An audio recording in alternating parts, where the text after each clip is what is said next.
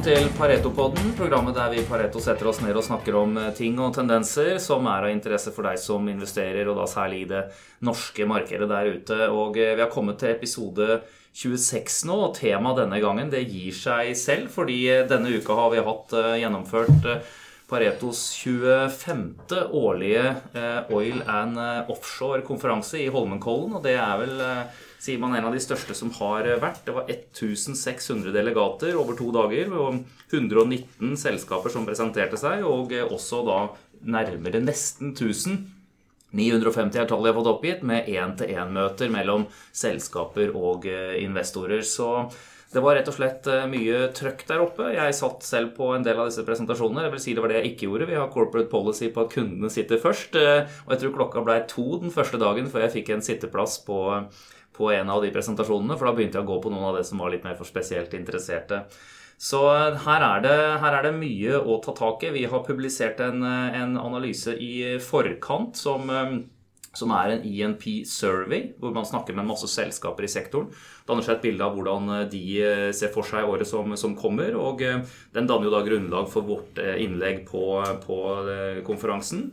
Men så har vi nå i dag publisert en, en oppsummering av både sektorene og ga enkeltselskapenes kommentarer på konferansen. Og i studio har jeg fått med meg to av eh, analytikerne våre. Det er eh, Tom Erik Kristiansen på oljeselskapene. Velkommen. Takk skal du ha. Så har vi Kristoffer Moe Dege som følger eh, rigg fra RIGG-teamet. Velkommen. Takk skal du ha. Så Hvis vi begynner litt med deg, Tom Erik. Du representerer jo her de som skal betale. Eh, det skjer ingenting i verken oil eller oil service hvis ikke et oljeselskap bestemmer seg for at her skal vi bore, her skal vi bygge ut, og setter i gang, setter i gang planer. Ja. Ikke sant? Eh, og eh, vi så jo en del av de der nå. Du, du følger jo, du har vært i studio her før, og, og, følger jo både de veldig store, sånn som Equinor, tidligere Statoil, og også en del av de, de mindre.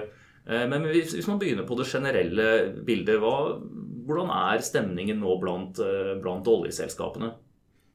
Blant oljeselskapene så er jo, er jo, stemningen god. Eh, de har jo lagt bak seg noen år med kostnadskutt, lavere oljepriser, eh, som har vært krevende for de. Eh, enda mer krevende for oljeservice, selvfølgelig, men, men hvor det også har vært tøffe tider for de å, å tilpasse seg en helt ny kostnadsstruktur.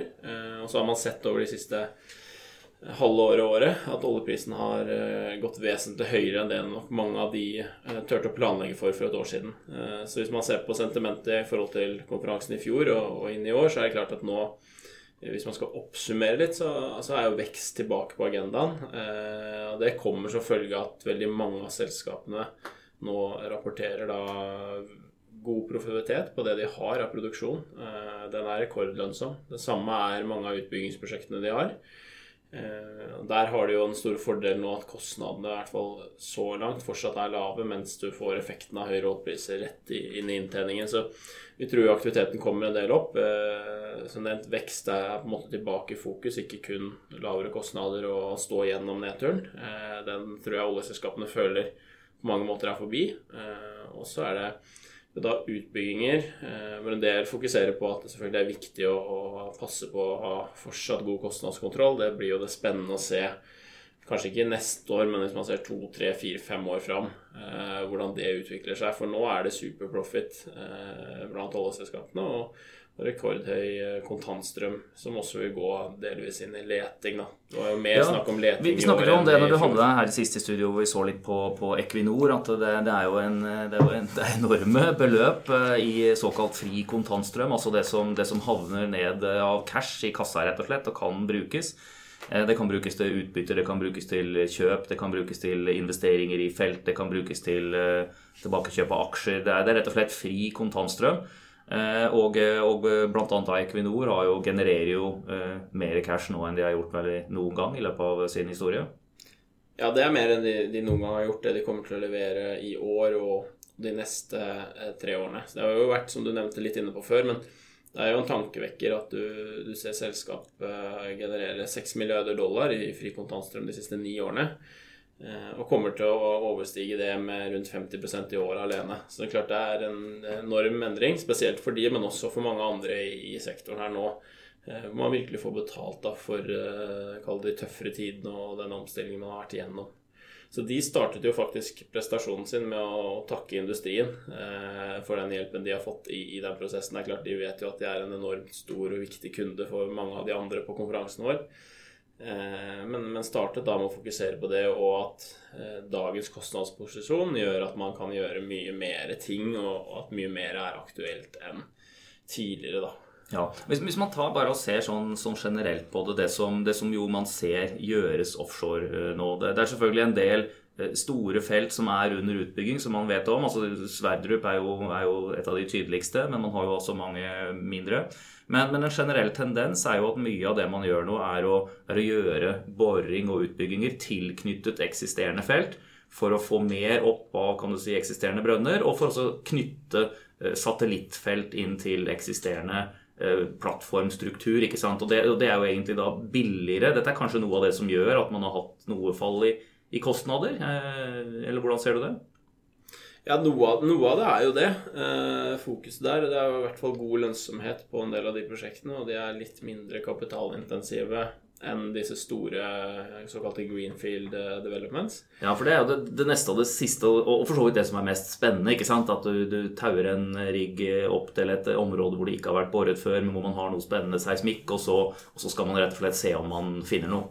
Ja, Vi tror det kommer et kallet comeback der også, eh, fra industrien. Når man ser oljeselskapene eh, har jo nå hatt flere år med lav eh, reserve replacement, som betyr da at man produserer mer enn man, man finner eh, eller kjøper. Og, og, da bygger det seg opp en eh, situasjon som ikke kan vedvare over tid.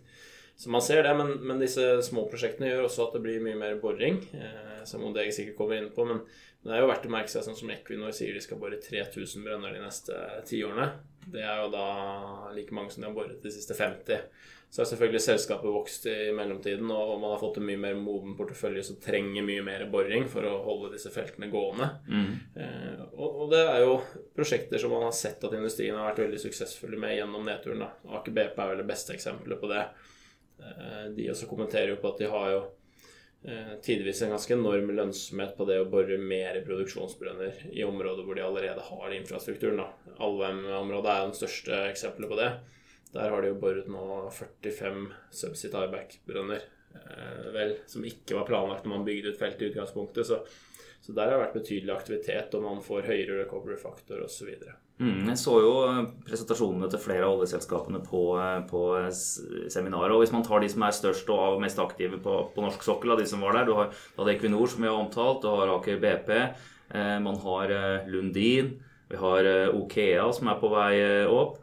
Eh, det var jo ingen av de som var i noe dårlig humør, virket det som. Det var, eh, og det er heller ingen av de som har liksom veldig bratt fallende eh, produksjon. Det, det, det, ser jo egentlig ganske sunt og, og, bra ut, og de har en fin portefølje å, å vokse på i, i den, de nærmeste årene. Det er mitt inntrykk når jeg, når jeg hørte presentasjonene her.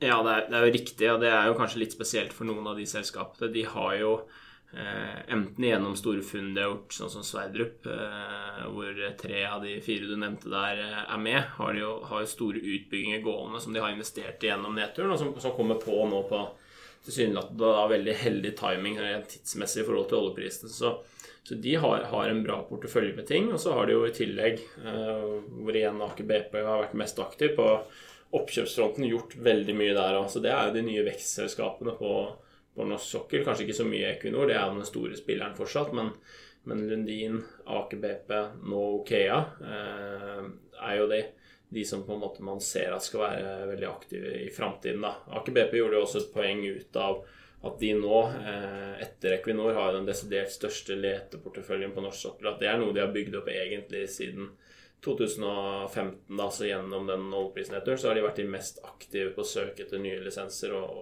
og øke boreprogrammet. De, de, har vel doblet antall letebrønner nå to år på rad. Det kommer jo ikke til å fortsette inn i evigheten, for man har jo begynt å komme opp på et ganske mm. solid nivå.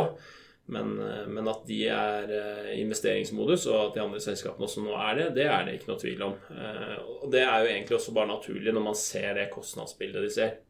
Fordi kosten har jo ikke kommet opp betydelig enda. Så, så du har jo nå en, en, enorm margin når oljeprisen plutselig går fra 50 til 80, og, og kostnadsbasen din så langt er flat. Mm. her er det, før vi ser på andre regioner, vel naturlig å spille ballen, føler jeg, rett over til Kristoffer Godhege her. sånn. Altså her, her, skal det gjøres mer. Det er, eh, oljeselskapene snakker om å bore mer. De ser på en kostnad nå som har kommet mye ned. og det er jo, altså En av kostnadskomponentene er jo ganske enkelt dagrater på rigg. Hvor mye det koster å, å leie rigger. ikke sant? og så har vi da en rekke riggselskaper, kan vi ramse opp eh, noen av de, men, men, mange er jo notert i Norge. Noen er notert i USA av de vi følger, og det er jo fra de aller største som TransOcean og ned til mindre selskaper med, med en, en, eller to-tre rigger eh, bare. Eh, men det generelle bildet her er at de Det er mange rigger som ikke har beskjeftigelse, og dagratene er lave. Hva ser vi for oss fremover nå? Det er klart at de, de elementene Tom Erik tar opp her, som, som Nummer én er at oljeselskapene tjener uh, utrolig mye penger. De har en veldig god cashflow som de ikke har sett på, på mange, mange år. Um, og, og, nummer to at de nå begynner å snakke om vekst. Det er ting som ringer godt i oljeserviceindustriens ører. Uh, det er klart Det første elementet er jo positivt, i den forstand at uh, de har kapital de kan bruke. Det er også helt nødvendig at de begynner å snakke om vekst. Er ikke bare eh, inorganisk vekst som M&A-aktivitet, men også organisk vekst som økte boreprogrammer og, og, andre tiltak de ser for seg å gjennomføre for å øke produksjonen sin fremover. Um, en nødvendighet for det er selvfølgelig å investere i oljeserviceindustrien, da bl.a. Riggene. Og, disse tallene, både Aker BP og Equinor peker til eh, på norsk sokkel fremover, det er klart at det, det, det er noe som bør putte et smil om, omkring eh, munnen på, på riggselskaper som eh, opererer i den regionen. Ja, For skal det bores, så må du ha rigg. Det er Så enkelt er det. Det er, det er, det er sånn det er. 1 pluss 1 er 2, det. Uh, og det er klart, du, du, nevner jo dette at utnyttelsesgraden er lav og um, dagratene er lave. Og det på generell basis så er det sant i riggindustrien. Men uh, dagratene på norsk sokkel, ved såkalt værutsatt område for rigger som kan operere i, i store bølger og, og, kalde temperaturer, har vi jo sett betydelige bedringer de siste årene. vi begynte å se det på fjorårets konferanse. litt optimisme omkring Eh, hvor sunt dette markedet er, og det var mye, mye tiltro til at dette kommer til å, bedre seg i 2018. Eh, og her har vi fått veldig gode datapunkter på, på dagrater som har gått fra 150 000 og nå til over 300 000 dager. Og eh, det er vel eh, indikasjoner på at dette også skal enda høyere i, i årene fremover.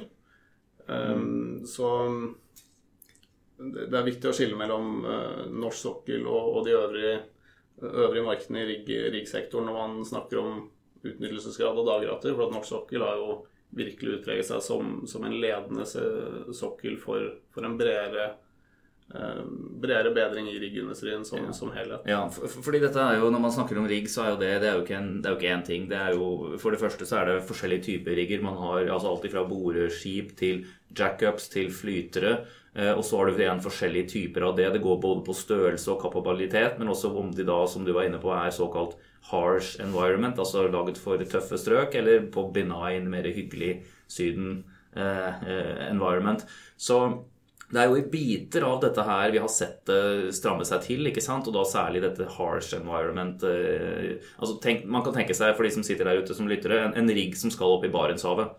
Der sender du ikke eh, lystbåten din. Der må du, du må ha tungt, skikkelig utstyr ikke sant, som tåler dette været. Eh, og der har det strammet seg til noe. og det er mye å ta tak i. Vi kunne sikkert sitte i timevis, fordi det har vært en del salg og kjøp av hele flåter her. Nye selskaper som har bygget seg opp, sånn som Borr eksempelvis. Og, og, det er jo morsomt å være på et seminar hvor både selgeren og kjøperen av sånne store eh, flåter og typer rigger egentlig er, da, og hvor begge ser egentlig vekstmuligheter innenfor sitt segment. Men, men det var ett poeng som, som jeg satt og tenkte på her, og som er litt interessant. Hvis man spoler eh, ett og et halvt år tilbake så så man jo at oljeprisen var, var veldig lav. altså Vi var nede i 27 dollar på det laveste eller noe sånt, og aktiviteten falt bredt. Men den kom raskt tilbake på land i USA. Eh, og fordi det var jo, Man snakket om de som svingprodusent, ikke sant? og det er jo en annen type rigger selvfølgelig man bruker på land. Men man så jo også der veldig god økonomi i dette en stund, i hvert fall. Fordi, og det var tema da, det var de beste riggene som boret, det var de beste timene som boret. Og etter hvert som liksom aktiviteten tar seg opp igjen, så, så spør man seg jo som investor om man klarer å opprettholde samme økonomi, kan du si, i caset. Er det litt det vi ser også nå? At, at nå er det de, de, beste og nyeste riggene med størst grad av automasjon og sånne ting som, som borer, og det er derfor man har lavere kostnader på de? Det er nok deler av, av, grunnen for det. Og det er absolutt eh, veldig tydelig i det, i det, norske markedet, og, og dette da markedet som har eh, vist klare tendenser til å bedre seg, at det er de beste og største og mest moderne riggene som får arbeid, og det er de som blir eh, også best betalt. Eh, og Vi har jo sett selskaper som da, da f.eks. Equinor, som er veldig klare og tydelige på sin kommunikasjon, at de skal ha det største og det beste. Eh, noe som selvfølgelig lover bra for, for de rikselskapene som sitter på, på, disse assetene, og noe som bidrar til um, en mye sunnere utnyttelsesgrad i, i, i, markedet for harsh environments, fordi det er uh, ikke et like overbygd marked som det øvrige riggmarkedet. Og Grunnlaget for det er at i forrige oppsykkel så var det jo veldig god økonomi uh, i å bygge boreskip, og, og, det ble veldig godt betalt for uh, de tjenestene boreskip kunne tilby. Mens harsh environment-rigger, eller disse riggene som kan operere i værutsatte områder, generelt sett er ganske mye dyrere å bygge, men ble ikke betalt tilstrekkelig nok i, i, i, bedre dagrater mm. for at det skulle være like attraktivt som, som det å bygge boreskip. Da. Så du har ikke så veldig mange rigger innenfor dette segmentet som er i det virkelig høye, eh, høyen av, uh, av klassen. og da til tross for at du da har en utnyttelsesgrad på, på 60-tallet i dette markedet, som jo ikke er tight, så er den jo nærmere 100 for disse høyende variantene eh, av riggene. Mm. Det var jo flere av eh, riggselskapene som presenterte seg der, som, som, som, dro gjennom regnestykker hvor de nettopp belyste dette med, med, balansen i markedet og eh, det at er et bilde blant investorene på at det er så mye ledig kapasitet. Eh, og mange av de hadde fremmet av den påstand at, eh, at, den ledige kapasiteten i realiteten var mindre enn mange trodde, for at en del av disse gamle riggene aldri kom til å komme tilbake til, til markedet. Um, dere har snakket med mange investorer og sånt også. Er det liksom et, et bilde de uh, henger seg på, eller, eller, ser man fortsatt betydelig slack i, i, store deler av dette markedet? Uh, egentlig det jeg spør om, er om om, om, investorer syns det begynner å haste nå på å kjøpe disse aksjene, eller om liksom eh, man fortsatt har god tid?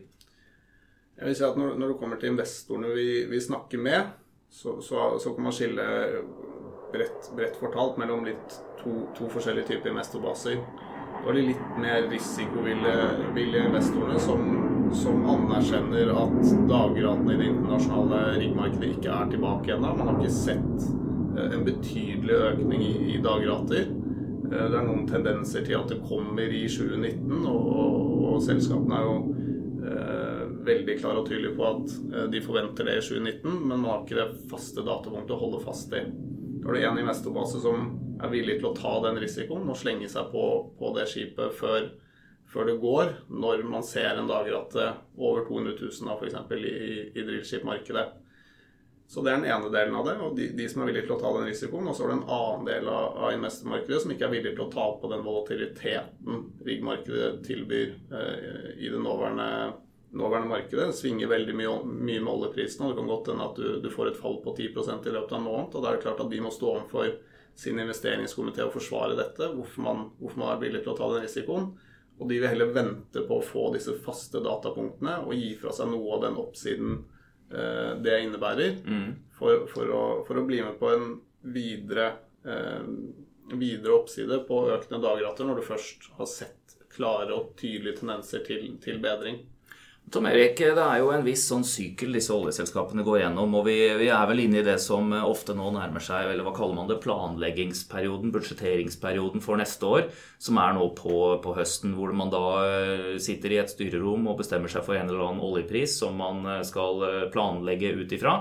Og, og planlegger sitt aktivitetsnivå og hva man faktisk skal gjøre ut ifra det. Og så vil det da være folk som etter hvert da ringer rundt for også å sikre seg rigger. Eh, eksempelvis.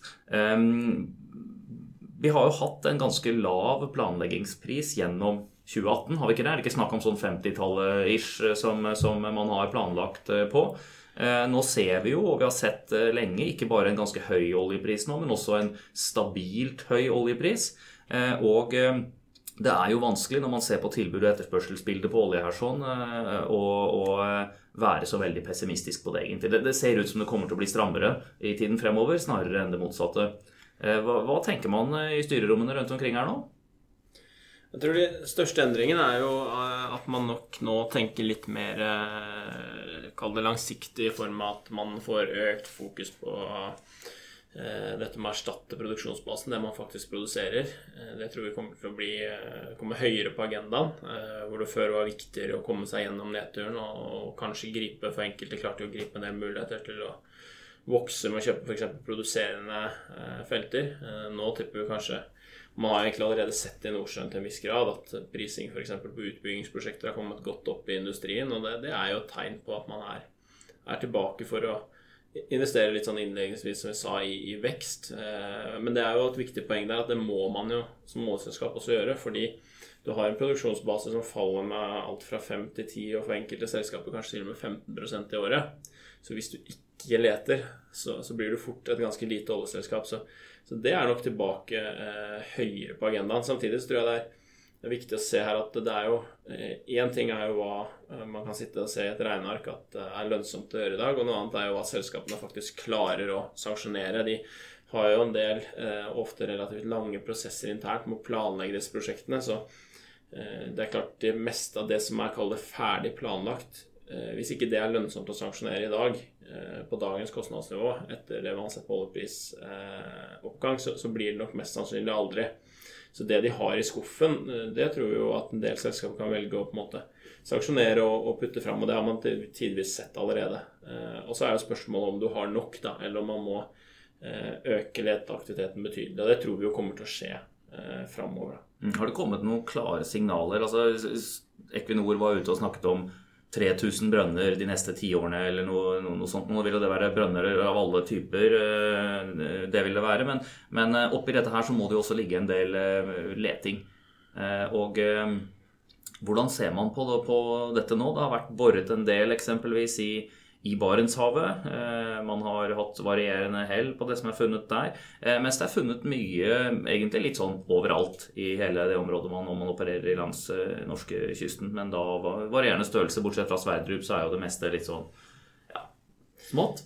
Ja, eh, sammenlignet med Sverdrup så blir jo nesten alt smått. Men eh, jeg tror det er et viktig poeng der eh, å få fram nå, er jo at selv om man har hatt veldig fokus på at det har vært så dårlige leteresultater, og at man har funnet altfor lite, som jo i og for seg i hvert fall det siste er riktig, og man har funnet mindre ressurser både globalt og i Norge de siste årene man har pleid å gjøre historisk, så det har jo vært sånn sett dårlige leteår så har jo alle de uavhengige oljeselskapene på norsk sokkel tjent gode penger på kapitalen de har investert gjennom nedturen i leting. Så hvis du går nå og ser på hvor mye penger hvert enkelt selskap har eh, brukt på leting eh, siden 2016 og fram til i dag, og, og, verdien av det de har funnet, så eh, ser man at de har hatt en veldig god avkastning på den kapitalen. Eh, og da er det jo eh, sånn som Aker BP f.eks. nesten tre ganger pengene.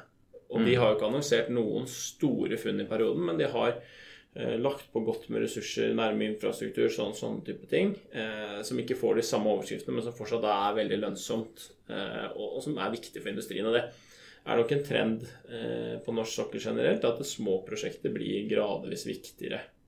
Eh, du har færre, og de gamle, veldig store feltene produserer jo mindre over tid. så men det er også sånn etter man har fått ut mer etter hvert enn man trodde opprinnelig, fordi at man har, eh, man har gjort eh, tiltak.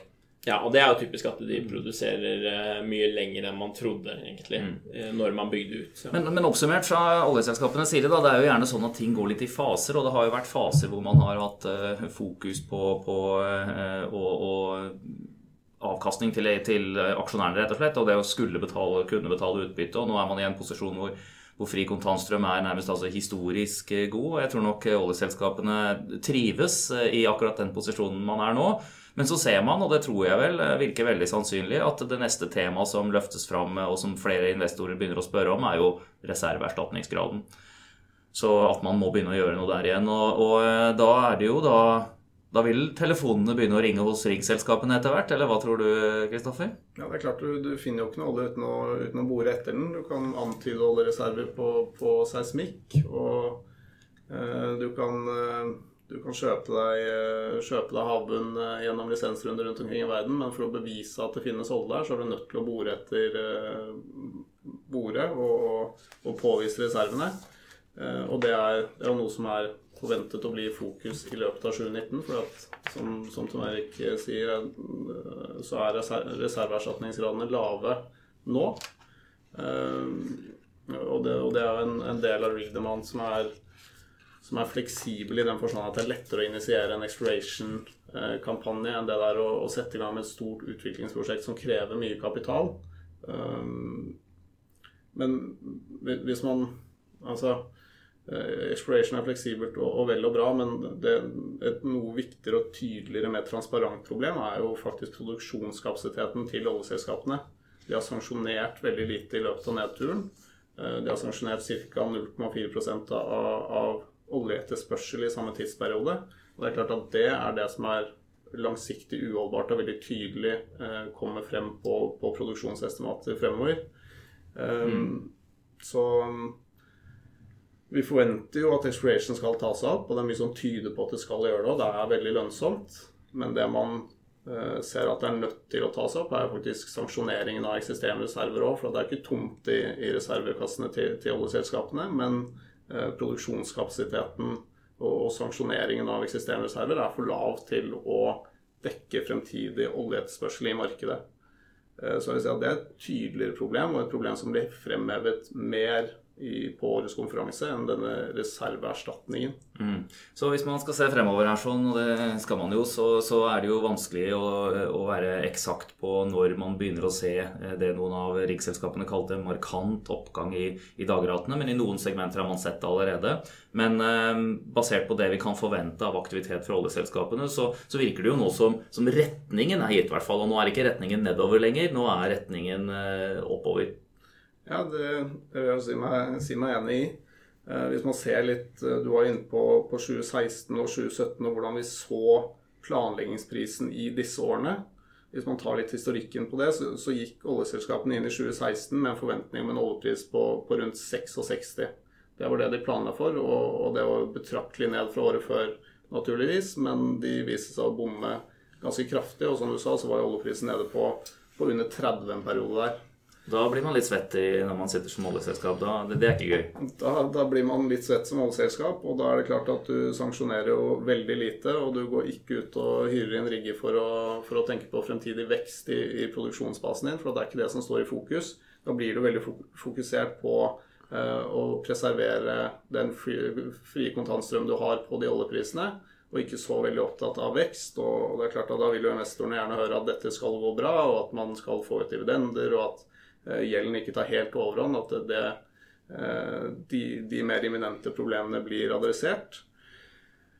Og, da er det klart det blir veldig, veldig mørkt i riggindustrien når, når, det er det eh, oljeselskapene fokuserer på. Det er ikke mm. veldig mye demand som kommer ut av, ut av dem, og, og, og fokuset deres ble flyttet mer mot denne eh, korte lead time til cashflow-produksjonen eh, i US Shale, og bort fra offshore. Og offshore i 2016 var vel da, da, da, da, kan man si at det var ikke veldig god stemning blant uh, oljeserviceselskapene på, på, på, konferansen da. Nei, Jeg husker jeg satt der, og det, konferansen startet jo med at brannalarmen gikk, og alle måtte evakuere. Ikke sant? Så, så, så det, var, det, var, jo et spesielt uh, tilfelle. Men, uh, men, det har bedret seg noe, og man ser vel Dette er litt sånn som stemningen om våren, hvor, har er hvor, hvor snøen har gått. Det er brunt på bakken, men det begynner å komme noen grønne skudd nå. Ja. Det, det, det, er jo som, som du, du, var inne på i sted, det er jo denne planleggingsprisen er en veldig god indikator på hva som kommer til å skje i fremtiden. Mm. Og denne planleggingsprisen blant oljeselskapene vi, vi, har intervjuet, er opp 27% fra i fjor. I fjor så traff de sånn noenlunde. De planla for rundt 50, og gjennomsnittsprisen på brent kom inn rundt 50. Um, uh, for, for, den planleggingsprisen i 2018 så planla de for rundt 50, og brent kom inn Eh, betraktelig over, og snittet på, på, rundt 70. Så det er klart at eh, de har nå fått rekalibrert forventningene sine til fremtiden og øker denne planleggingsprisen og er mye mer komfortable med å investere i, eh, i oljeproduksjon. Og da også mer komfortable med å ta det steget ut i offshore, disse store greenfield developmentene som du, som du nevnte, mm. som krever mye kapital, og, og som, som, er store nok til å adressere dette produksjonskapasitetsproblemet Eh, deres fremover i tid. Bra. Dette her er en spennende sektor å følge fremover. Vi, for dere som sitter her ute, så får vi nesten si at det får, det får holde denne gangen her. Vi har folk som skal i møter. Men alle kommentarene både på uh, enkeltsektorene, men også fra selskapene, ligger da oppsummert på vår uh, hjemmeside uh, under Key Takeaways for Paretos Oil and Offshore Conference. Så det kan leses der. Eller så sier vi som vanlig at de som liker podkast, skriv gjerne en kommentar på, på det. Kom eventuelt med forslag til temaer fremover. Lik og del og den type ting som man gjerne gjør i sosiale medier. Det setter vi alltid pris på. Så ses vi neste gang. Ha det bra.